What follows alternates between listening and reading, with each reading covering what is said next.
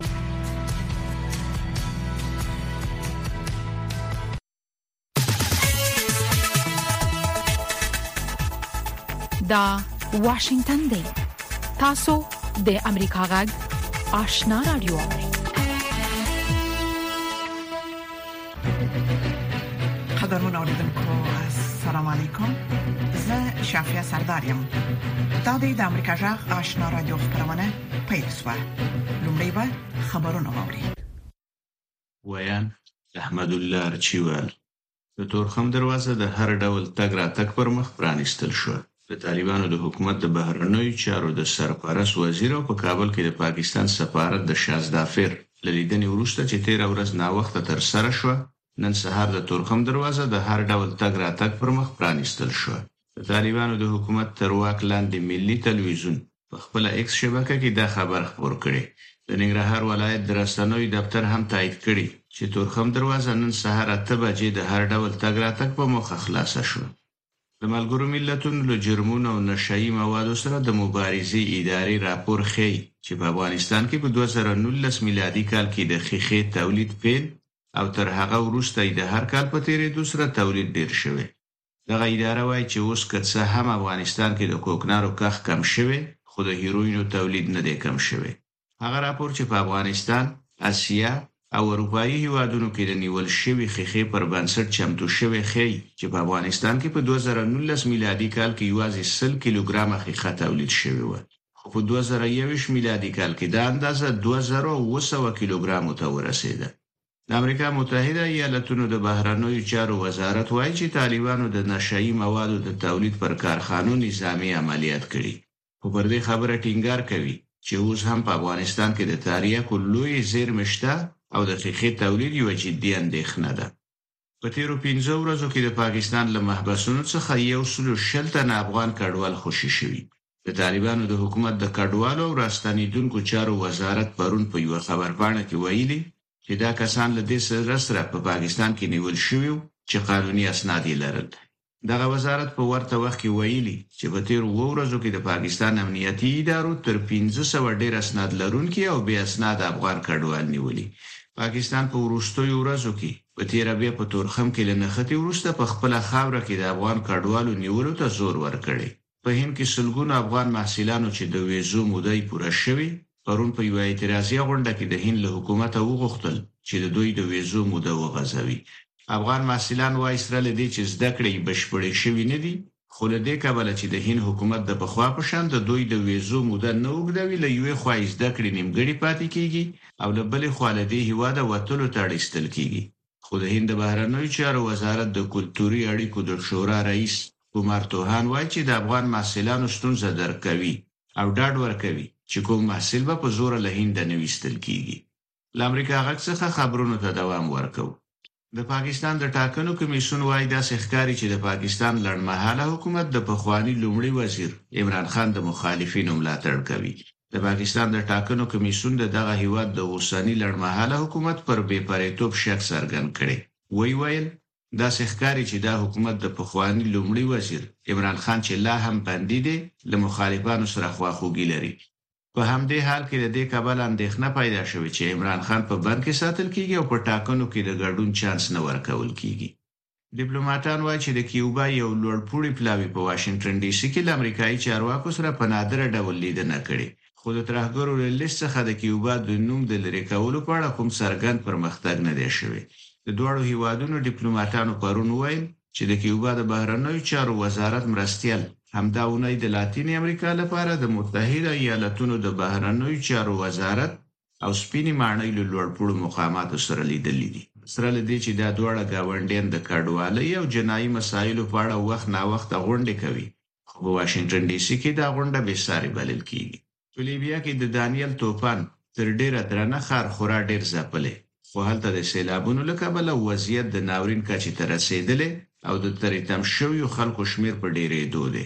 په درنه ښار کې د ژغورنې عملیات روان دي، په داسې حال کې چې مخکې یوازې درنه ښار کې د زرګونو کسانو د تری تم کېدو خبر ورکړل شوی و، د دغه ختیځ ساحلي ښار اوسېدونکو ویلي و، برېښنا او د اړیکو اسانتیاوي له منځه تللي او له ختیځو ساحلي ښارونو سره یې ساحلي لارې هم بندې شوي او دا ځپل شوی ښار په انزوا کې دی.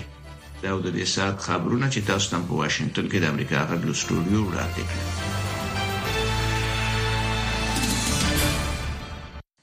خبرونه مو د امریکا جغ آشنا رادیو څخه واوریدل قدرمن اوریدونکو زموږ په دې خبرونه کې د افغانستان سیمه او نړۍ د رپورټونو ترڅنګ لومړی دا رپورټ لرو افغانستان لپاره د چین د نوي سفیر جاو شینګ د طالبانو د حکومت رئیس الوزرا مولا محمد حسن اخوند ته خپل باور لیک وړاندې کړ تر اوسه د چین په ګډون هیڅ هیواد د طالبانو حکومت په رسمیت پیژندلی نه دی او دا لومړی ځل دی چې د یو بهرني هیواد سفیر په رسمي ډول د طالبانو چارواکو ته باورلیک وړاندې کوي د چین د اقدام یو شمیر خبرګونونه هم راپارولې دي نور تفصيل پر رپورت کې ووري د طالبانو د حکومت ویان زبی الله مجاهد په خپل ایکس ټولنیزه پاڼه د څو پر لپسې پیغامونو په لیکلو سره ویلي په هغو تشریفاتي مراسمو کې چې د طالبانو د بهرنیو چارو د سرپرست وزیر امیر خان متقی په ګډون په هر کې جوړ شوی وو مولا حسن د چین د نوي سفیر ژاو شینګ باورلیک ومانه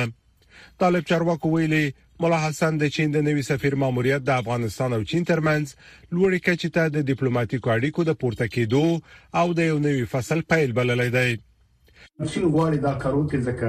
غواړي چې راو په کرۍ غربي نړۍ د افغانستان په اړه ته خاص موږ هدف لري ځکه پیس نه سم کولای چې لولې قراردادونه تر نن ته لاسلیک کړم اما د سیاو په کراول کوي دوی فکر دی خواته کوي طالبان په ټکيي داسې او بل غواړي یو امتیاز هم طالبان ته ورکړي تر هغه چې خپل کورنی امنیت د یغوریان له خوا نه بس کړي او یا په راتلونکي کې که چیرې او زمینه د قراردادو نور هیوادو ته مساعدیږي چین هم پکې خپل سهم پکې واخلي ځکه هغه زوړه طریقه الوتونکو ته د چین نوی سفیر په داسې حال کې د طالبانو حکومت ته خپل باور لیک سپاري چې بیجینګ هم په هغه هیواد کې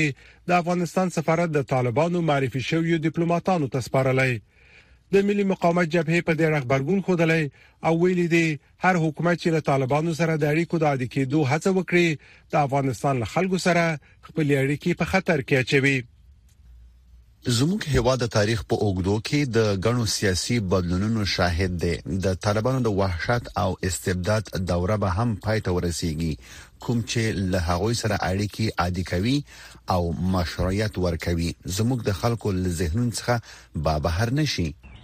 په ملګرو ملتونو کې د افغانستان د نمائندګۍ سرپرست نصیر احمد فائق د افغانانو په مشکلاتو کې طالبان ګرم بولی سیاست های غلط و نادرست غیر ملی طالبا افغانستان رفته به طرف انزوا و این باعث شده که مردم افغانستان متضرر شوند چین په داسې حال کې د طالبانو لپاره نوې سفیر معرفي کوي چې بریټانوي رسنیو خبر ورکړی چې د هغه هواد د پارلمان د دفاعي کمیټې مشر توبیاس الوو د افغانستان په اړه او په اخر کې جنجالي څرګندونو وروسته د دندې استعفا ورکړې نوموړي چې په اگست میاشت کې افغانستان ته سفر کړی وو د افغانستان وروسته په یو مقاله کې د خپل هواد غوښتي و چې د طالبانو سره خبري او تعامل وکړي او په کابل کې خپل سفارت پرانیزي چې د هغه د څرګندونو د بریټانیا د پارلمان د غړو په ګډون د ګڼ شمېر کسانو سره خبرونه راوپارول طالبان که څه هم د کوم هیواد لخوا پر رسمیت نه دي پیژندل شوي خو د روسیې ایران پاکستان په ګډون یو شمېر هیوادونو د افغانستان سیاسي استازولۍ د طالبانو نمائندګانو ته سپارلي دي سمي الله جلال زای د لیبیا په ختیځ د نا شهر کې د یک شنبه د ورځې د سیلابونو دراوتلو او د اوبو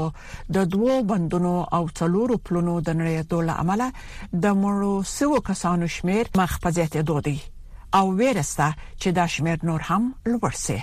چارواکي وایي چې لږ تر لږه لږ زر کسان لا درکه دي نور تفصيل پر راپورټ کې ووري په لیبیا کې د سیلابونو له کبله رامنځته شوی ناورین هر خواته ویجاړی تر سترګو کیږي او خلک خپل عزیزانو پسې ګرځي د ناورین کچلویا ده د لیبیا په ختیځ کې د بیړنیو حالاتو او امبولانس چارواکي وایي په درنا ښار کې لږ تر لږه د پنځه سل کسانو او د لیبیا په نورو سیمو کې د نږدې سلو تنو د مړینې خبر ورکړ شوی دی. دا له تصور څخه یو بهر ناورین دی. موږ فکر کاوه چې یوازې سیلاب دی او اوبه راغلي دي، خو خټې تر ټولو لویه ستونزه ده. جسدونه تر درې یا څلورو مترو خټو لاندې شوي دي. په دې ښار کې 90 زره کسانو ژوند کاوه د سیلابونو ترڅنګ د اوبو دوه بندونه او څلور پلونه هم نړیدلې دي چارواکي وایي ډیر زره کسان بې ځای شوي دي لږ تر لږه لس زره کسان ورک دي په زرګونو موندل شوي جسدونه په ډلېزو قبرونو کې خښ شوي دلته شاوخوا 15 کورنۍ وي چې د سمندر اوبو ډوبې کړې نور خلک هم په سیمه کې اوبو وړي دي. نهه نور کسان چې د سمندر په غاړه کې یې ژوند کاوه هم لاړل. وروستیو سیلابونو د دیرنا ښار ډیری واټونه له منځه وړي دي چې له امله یې سیلاب ځپلو سیمو ته د لټون او ژغورونکو ډلو رسیدل ستونزمن شوي دي. په دې وضعیت کې د مرستو له لارې موږ په لومړنیو اړتیاوو تمرکز کوو. موږ په خوړو، امدادي توکو لکه خیمو، کمپلو او د اړتیا وړ توکو باندې تمرکز کړی دی. یو شمېر هېوادونو د مرستې رسولو هڅې کوي، ټاکل شوې فرانسه د مرستو رسولو پنځوس کسیزه ډله ولېږي. فرانسه به خپلو ژمنو ته دوام ورکړي، څو لیبیا وکولای شي په ښه توګه د دې ناورین مهارولو لپاره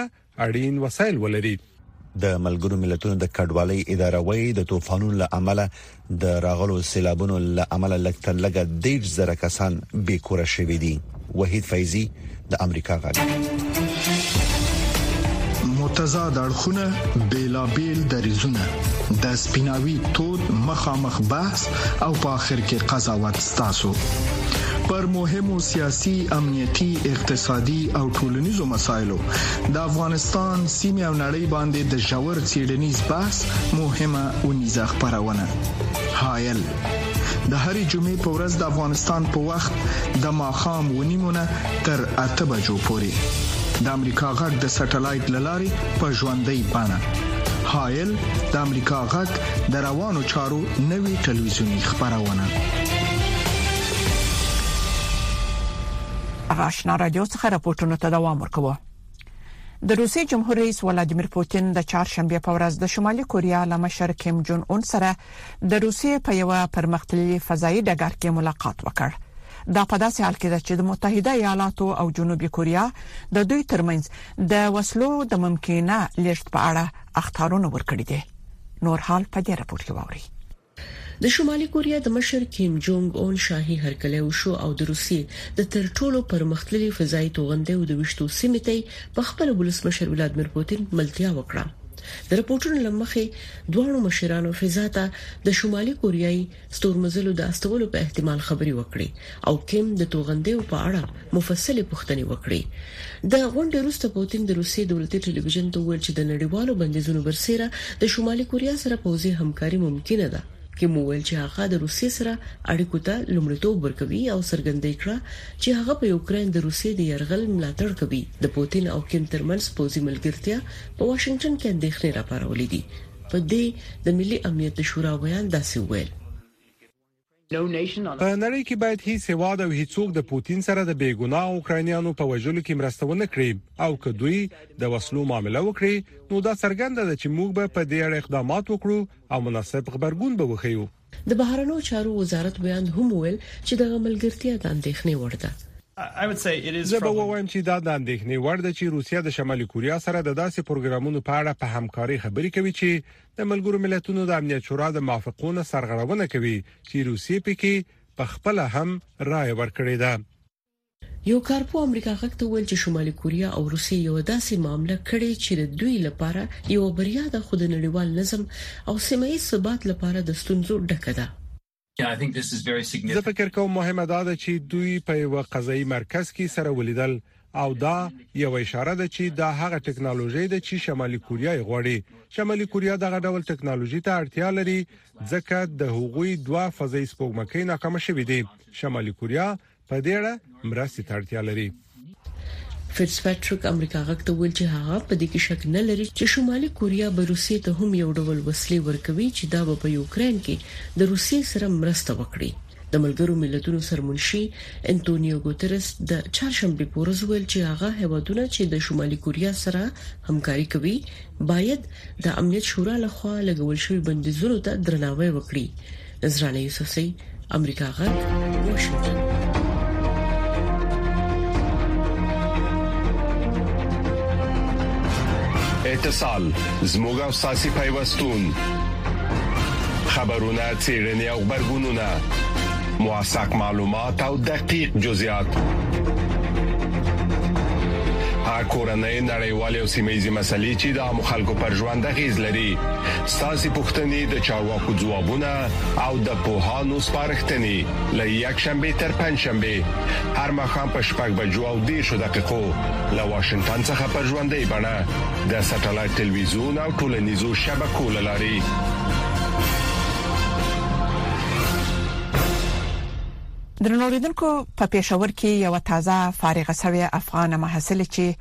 په انګلیسي ژبه کې د لیسانس سند اخیستی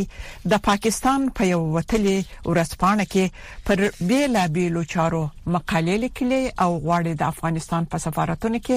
دنده ترلاسه کړي خو په افغانستان کې د جنونو په وړاندې خندونو یې راتلونکي به باور کړی ده دا چې د انجلۍ څوک ده او د خپل به برخلیک راتلونکي په اړه څه وایي تفصيل پر پورت کې باوري دا یې د فراغت ورځ ده. د څلورو کلونو له هڅو وروسته خپل سند ترلاسه کوي. د کونړ ولایت اوسیدونکې 23 کلنه نورزیا په جمهوریت کې په کال 2019 کې له افغانستانه پیښور ته د زده کړو لپاره راغلې و او د پیښور په تاریخي اسلامیا کالج کې په انګلیسي ژبه کې د لیسانس د زده کړو پړاو بشپړ کړ. تیر وخت چې موږ 2019 کې راغلو نو زما دا سوچ و چې زه به میډیکل ویم خو بس یو غټه ټریجډي وشوه او د ځینو حالاتو د وجې چې کوم دی موږ مطلب میډیکل نه پات شو زه وم او ما سره مې خور وه نو بیا موږ سوچ کوو چې لکه موږ به اوس څه وایو نو بیا موږ بي ایس انګلیش ته لاړو هغه کې زموږ داسې خاص انټرسټ هم نه خو هغه د ټیچرز د وجې چې کوم دی بیا ما ته ډیر زیات ښه ولګیده زه چې د افغانستان حالات ته ګورم نو ډیره زیاته خفه شوم ځکه چې هلته کې زه ډیرې جینکۍ پیژنم او هغوی به چې کوم دی مطلب سکول کې استادي یا د سي هر څه کول او د باسي د سي جنکای وی چې دا غي به سوق اوم نه نزان به ساته او هغه جنکای چې کوم دینن سبا کور کې ناس دي ډیر زیات خفه دي او سي ان مطلب بالکل ذهني بیماری شوی دي هغه په انګلیسي ژبه کې د پاکستان په یو ورځپاڼه کې بلاګ لیکي او د خپل لیک لاره د خپلو افکارو څرګندونه کوي.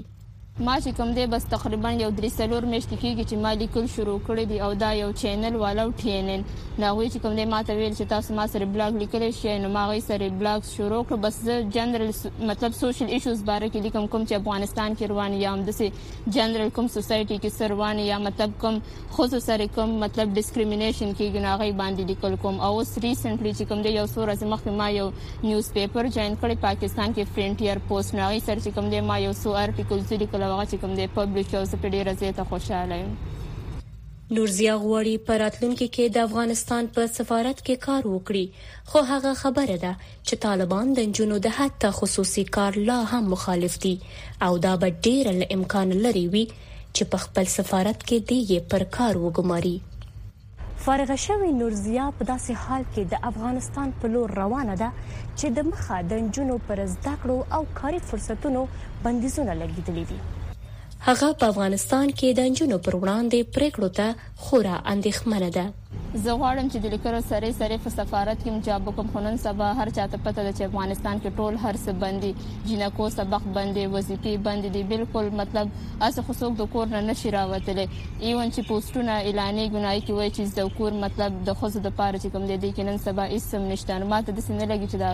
زما کوم خوب دی دا به رښتیا شي ځکه نن سبا حالات داسې دي او ټول مطلب هر چا ته معلوم دي نو افغانستان اوسني واکمنان نه زما غوښتنه دا ده چې دوی خزو ته دا وظیفې خلاصې کړي ځکه چې دینه بغیر بالکل کار نه کیږي یو خزه چې مطلب دونه ډیر سبق ویل باید هغه چې کوم دې سو کې د څه خونه شي کېدی بس چې ته کور کې ناس یو بل دی کې د څه خاص شتم نه ځکه چې نور ملکونه دی هغه کې مخزه چې کوم دی وسې پیکي او څه پر د څه اسم نه دي شوی چې یا چاته نقصان رسولې نورضیا چې دا مهال د خپلې کورنۍ څخه لرې د پوهنتون په لیلیه کې میشته ده، مجبوره ده بیرته افغانستان ته په داسې حال کې ستنه شي چې هلته نه خو د لوړو زده کړو او نه هم څه کاري فرصت لري. موسکا ساپی،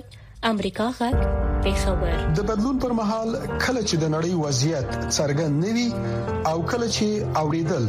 له عیني واقعیتونو سره سمون نه خوري، موږ په حقیقت پسې ګرځو کله چې موږ ته د یو موضوع یوازې یو اړخ بیانېږي نو باور بایلو د ناورین پر مهال د یوې خې راتلونکو لپاره زموږ خوبونه تم یو هلي پر آزادو مطبوعاتو تکیوي د امریکا غږ پر چپو موږ هغه خبرونه خبرو چې خلک یې د لیدلو لپاره غواخونه مني موږ نړۍ سره وسلو او د حقیقت په ویلو یو موټی کوو د امریکا غږ لاري موږ بشپړ انزور درکو دا د امریکا غږ آشنا رادیو ده په افغانستان کې د آزادو سیالیو یا فری فایټ لوبو مینوال مخ په زیاتېدو دي په دې باره کې نور حال د شمس آرین پر رپورت کې ووري دا په کابل کې د آزادو سیالیو یا فری فایټ نړیوال کلب دی په دې کلب کې د افغانستان له بیلابیلو ولایتونو څخه په لسګونو ځوانان تمرینات کوي د ازادو سیالیو استادان او ځوانان په دې نظر دي چې په افغانستان کې تر کرکټ وروسته فري فایټ زیات مینه وال لري. د میرزا کټوازي کمپ کې تمرین کوم او بهر مې لوبې نه دي کړې، ننګرهار کې مې کړې، ولایتونو کې مې لوبې کړې دي، دولس څوارلس مسابقې مې کړي، په څوارلسو کې یو ریکارډ لرم او نورې نمره باندې ما در داخل افغانستان بسیار مسابقه انجام دادیم بلکل از حکومت امی چی ما است که با تشویق کنم چی را امی ورزشکارای افغانستان باید تشویق کنه بسیار زیاد تشویق کنه دا لوبغاړي په داسې حال کې د طالبانو له حکومت څخه د تشویق هیله لري چې د افغانستان د بدني روزنې او ورزش ادارې ویاند اتل میشواڼی وايي چې د ازادو سیالیو د ارزونې لپاره یې یو پلاوی ټاکلی څو دا وارزوي چې یادې سیالۍ خو به د اسلامي اصولو او ورزشي اخلاقو سره په ټکر کې نه وي. زموږ ریاست د هیواد د ورزش ادارې د لپاره یو هیئت ټاکلی دی او هغه ته د دند سپارلې ده چې د فری فایټ د سیالۍ لپاره یو قانون او اصول جوړ کړي او هغه اصول او قواعد چې دوی خپل خپل ورزش لپاره لري هغه وګوري داسې نقطې کې په چیرې پکې موجوده چې هغه د اسلام مبارک دین سره په ټکر کې یا د سی چې ورزشي اخلاق هغه نه ایجابي چې هغه پکې تر سره سي هغه پکې اصلاح سي او لغنه ورسته بیا دوی ته د فعالیت اجازه ورکړي خو بل خوا لوبغاړي او روزونکي وايي چې فري فایټ منل شوي اصول او قوانین لري. د دوی په نظر چې په دې سیالیو کې داسې څه نشته چې هغه دې د شریعت خلاف وي. ډیر بهانیات جوړ ول په ایم ایم ای باندی چی یعنی ایم ایم ای باید عورت دسی شی یا ایم ایم ای شریعت خلاف دی نه دا هیڅ امکان نلری سمه ده که دی شریعت خلاف یا ما سره خدای نه خسته کوم غلط عمل وي یا غلط هغه ورزش ته بیا دا خو ټول عموما په تربیت بدني کې هم دا ایم ایم ای نوم په خپل میکس مارشل آرټس دا یو ترکیبي لوبه ده د دې ورشای رزمي یو فدراسیون مونږ لرو چې هغه د رزمي ورزشونو هغه کې بوکس او کیک بوکس او پالاوانی دا ټول هلته ثبت دي که څه هم د بدني روزنې او ورزش ریاست د یادو ستونزو د حل خبره کوي، خو هممهاله د ازادو سیالیو لوبغاړي هیله لري چې دوی ته پر نړیوال ډګر او بهرنیو لوبغاړو ته افغانستان ته د راتګ زمینه برابره شي. شمس آرین، امریکا غږ. طالبانو د افغانستان له دننه د امریکا غاټ راډیو خبرونه درولې دي خو امریکا غاټ په پوره شمنتیا خپل افغان اوریدونکو ته په پښتو او دری ژبو د کره باوري او هررخیزو خبرونو په خبرولو د افغانستان له بهره په نهه سوه او دوه اویا کیلو هرتز منځنوي څپو خپلو خپرونو ته دوام ورکړي.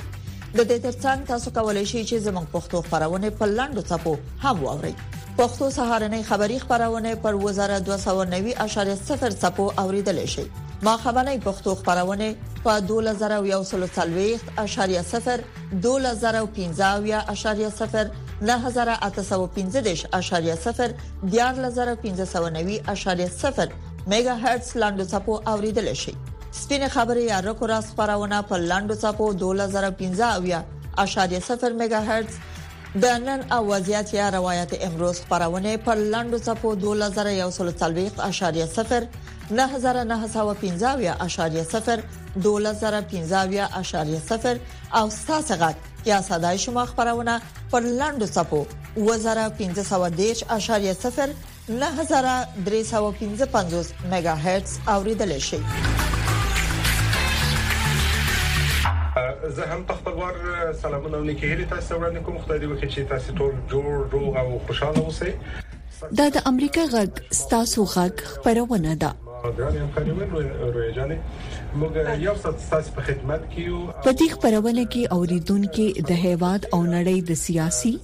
امنیتي ټولنیزو اقتصادي او هر هغه موضوع په اړه نظرونه وړاندې کوي چې هغوی ته مهم دي